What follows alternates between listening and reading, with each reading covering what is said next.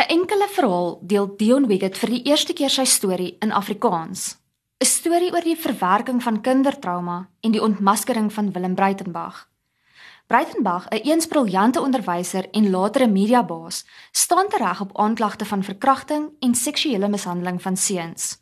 Marula Media gesels nou met Dion oor sy persoonlike ervaring en verhaal. Dion, waarom het jy die behoefte gehad om jou storie in Afrikaans te vertel? Dit is eintlik 'n Afrikaanse storie wat nog nooit van tevore in Afrikaans vertel is nie. Ek het natuurlik die podcast my in die storie gedoen, ek het in Engels gedoen, want dit was my belangrik om soveel mense te bereik as wat ek kan. Die Afrikaanse boek was 'n hele ander soort dier. Ek noem dit 'n enkele verhaal want dit is 'n storie op sy eie. Dit is 'n storie apart van die Engels. Van dis die hele kind of narrative point of view met twee stappe nader skuif wanneer jy dit in Afrikaans skryf. En ek meen dit nou nie asof Afrikaanse mense nie weet hoe dit in Bloemfontein is nie. So dit vat 'n hele kind of dissociative narratiewe posisie 'n bietjie weg van wat mense kan doen, maar dit is 'n Afrikaanse storie vol like you weet, goed wat sin maak vir ons mense. So dit was werklik moeilik om te skryf in die Afrikaans. Maar ja, daar het ek nou. Jy skryf op die flapteks van jou boek. Dit is aangenaam om voor te gee dat mans nie kinders verkrag nie. Maar as jy eers aanvaar dat dit gebeur, word dit verrassend maklik om die roofdiere uit te ken.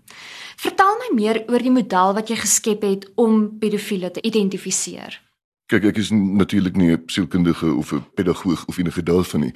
Dit was my wel belangrik om vir mense 'n onderwêreld te verduidelik wat ons nie as gewone mense indink nie.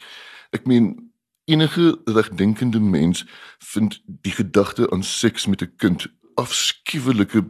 Wie dink so? Wel ongelukkig is daar nogal 'n klomp mense wat so dink en ons moet hulle leer uitken. En ons praat nie hierso van mans in bakkies met lekkers by stopstrate nie. Ons praat hier van 'n sportafrigter. Ons praat hier van iemand by die braai. Dit is waar jy pedofiele ontmoet. En ek skryf in die boek baie oor wat as mens eers weet wat die tekens is, dan word die verraad soveel duideliker. Daar is altyd 'n rookie wat trek en dis my belangrik dat mense daardie rookies raak sien en die vuur raak sien, want 'n kind word verkrag deur gegroom te word. En deur gegroom te word, dit is die deel wat jy raak sien en dit is die deel wat die massiewe skade aan hulle gedoen. Want ten einde dit reg te kry om 'n kind te verkrag, moet jy hulle eers 'n klop leuns oor hulle self vertel sodat hulle nie vir iemand sê nie. Daar is talle organisasies wat hulle beywer vir die beskerming van vroue en meisies wat verkrag of seksueel mishandel word. Voel jy dat daar in dieselfde mate steun vir mans of seuns is wat soortgelyke trauma ervaar? Daar is baie minder organisasies wat spesifiek hulle beywer op die manlike oorlewers van seksuele geweld. Matrix Men in Johannesburg in die Kaap en en Sam Sosa wat ook in Johannesburg en moontlik in die Kaap is, is spesifiek ondersteuningsgroepe. Maar die op die einde as jy dit kan bekostig, is terapie individuele psigoterapie en werklikse terapie met die regte terapeut want nie almal weet hoe om te werk met trauma nie.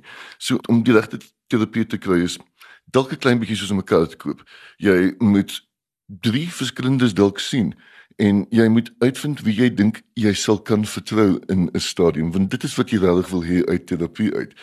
So daar is 'n klomp organisasies wat nie spesifiek wat nie spesifiek mens sal wegwys ook nie uh, organisasies soos Rape Crisis Lawyers Against Child Abuse. Daar's 'n klomp nie regeringsorganisasies wat wel jy weet probeer help op die einde hoe meer help hoe meer hulp daar is hoe beter.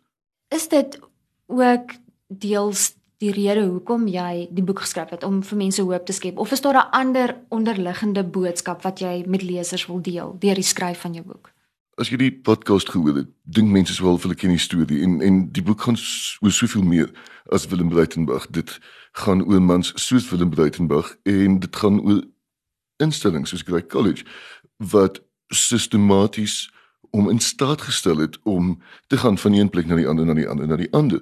Ek meen sy sy rol in sy later jare in die Afrikaanse musiekbedryf is baie onontgin en 'n fascinerende area vir enige iemand wat ondersoekende werk in Afrikaans doen. I'm not even hinting dat daar 'n baie interessante storie nog om te vertel oor die Afrikaanse musiekbedryf en en ek is happy om enige iemand te help met wat ek weet. Baie lesers wat na die onderhoud luister is waarskynlik selfouers of grootouers. Kan jy dalk kortliks na die waarskuwingstekens verwys of selfs wenke gee wat daarop dui dat 'n kind moontlik misbruik word? Die belangrikste ding wat jy gaan raak sien, ongelukkig sal dit dan reeds te laat wees, is 'n gedragsverandering. As die kind skielik anders raak, as die kind se skoolpunte skielik versleg, as die kind teruggetrokke raak waar hulle van tevore nie was nie. Dit is amper altyd 'n teken daarvan. Die belangrikste ding vir ons as ouers of groot mense wat omgee oor kinders is om seksuele grooming te verstaan. Seksuele grooming, ek sê grooming want dan kan jy sommer dit op die, op die internet opkyk ook. Sexual grooming gaan daaroor om die kind gemaklik te maak met die teenwoordigheid van 'n volwassene in hulle lewens. En as daar enige volwassene is wat 'n verhouding het met jou kind, dalk is daar niks sleg daaraan nie, maar jy moet baie fyn dophou want daar is dalk iets vreemd daaromtrent. En jy hoef nie die boek te koop om sexual grooming te verstaan nie. Daar is baie baie daarvan op die internet, maar daar is ses fases van sexual grooming wat eers aan die einde seksueel word. Maar dit is daardie prosesse van 'n uh, volwassene wat 'n kind bevriend om uh, eh, onskynlike goeie rede dan die kind se selfbeeld opbou, die kind op uitstappies neem, die kind geskenke gee sodat die volwassene die kind se held word. Want in daardie stadium kinders is van nature nuuskierig en as daar eers 'n vertrouensverhouding is tussen 'n volwassene en 'n kind, you know, in die kind van gewoon daarin gewoond is om geheime te hê met net hierdie volwassene of wat ook al. Ons moet baie baie skerp dink oor volwassenes wat 'n onskynlike onskuldige rede het om kontak te hê met kinders. Nie elke sportafrigter of onderwyser of dominee is natuurlik 'n pedofiel nie. Maar as jy kinders soek, dan word jy 'n onderwyser of 'n sportafrigter of selfs 'n dominee, want dan het jy wat lyk soos legitieme redes om kinders alleen te kry. En dit is waar die probleem is, die die alleen kry van kinders. Nou, nie een van ons weet hoeveel mense ook ander mense daar buite is wat met die verwerking van soortgelyke trauma worstel nie. Dit is nie maklik om na vore te kom en veral as jy dalk 'n man is om te sê ek het dit ervaar of dit het my gebeur nie.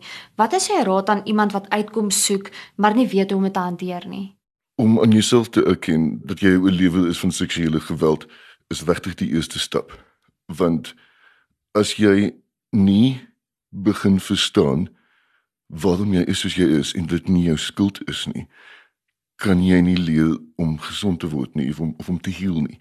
En ons moet leer hoe om te kan grieve vir die kind wat ons verloor het sodat ons want om die oorlewe te wees van seksuele geweld is soos posttraumatiese stresssindroom.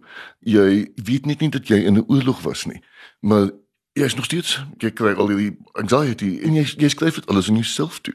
En dit is die verskriklike ding om teen sexual grooming is dit is dit is 'n bedrog wat jou op die ou ende leer om jouself te haat.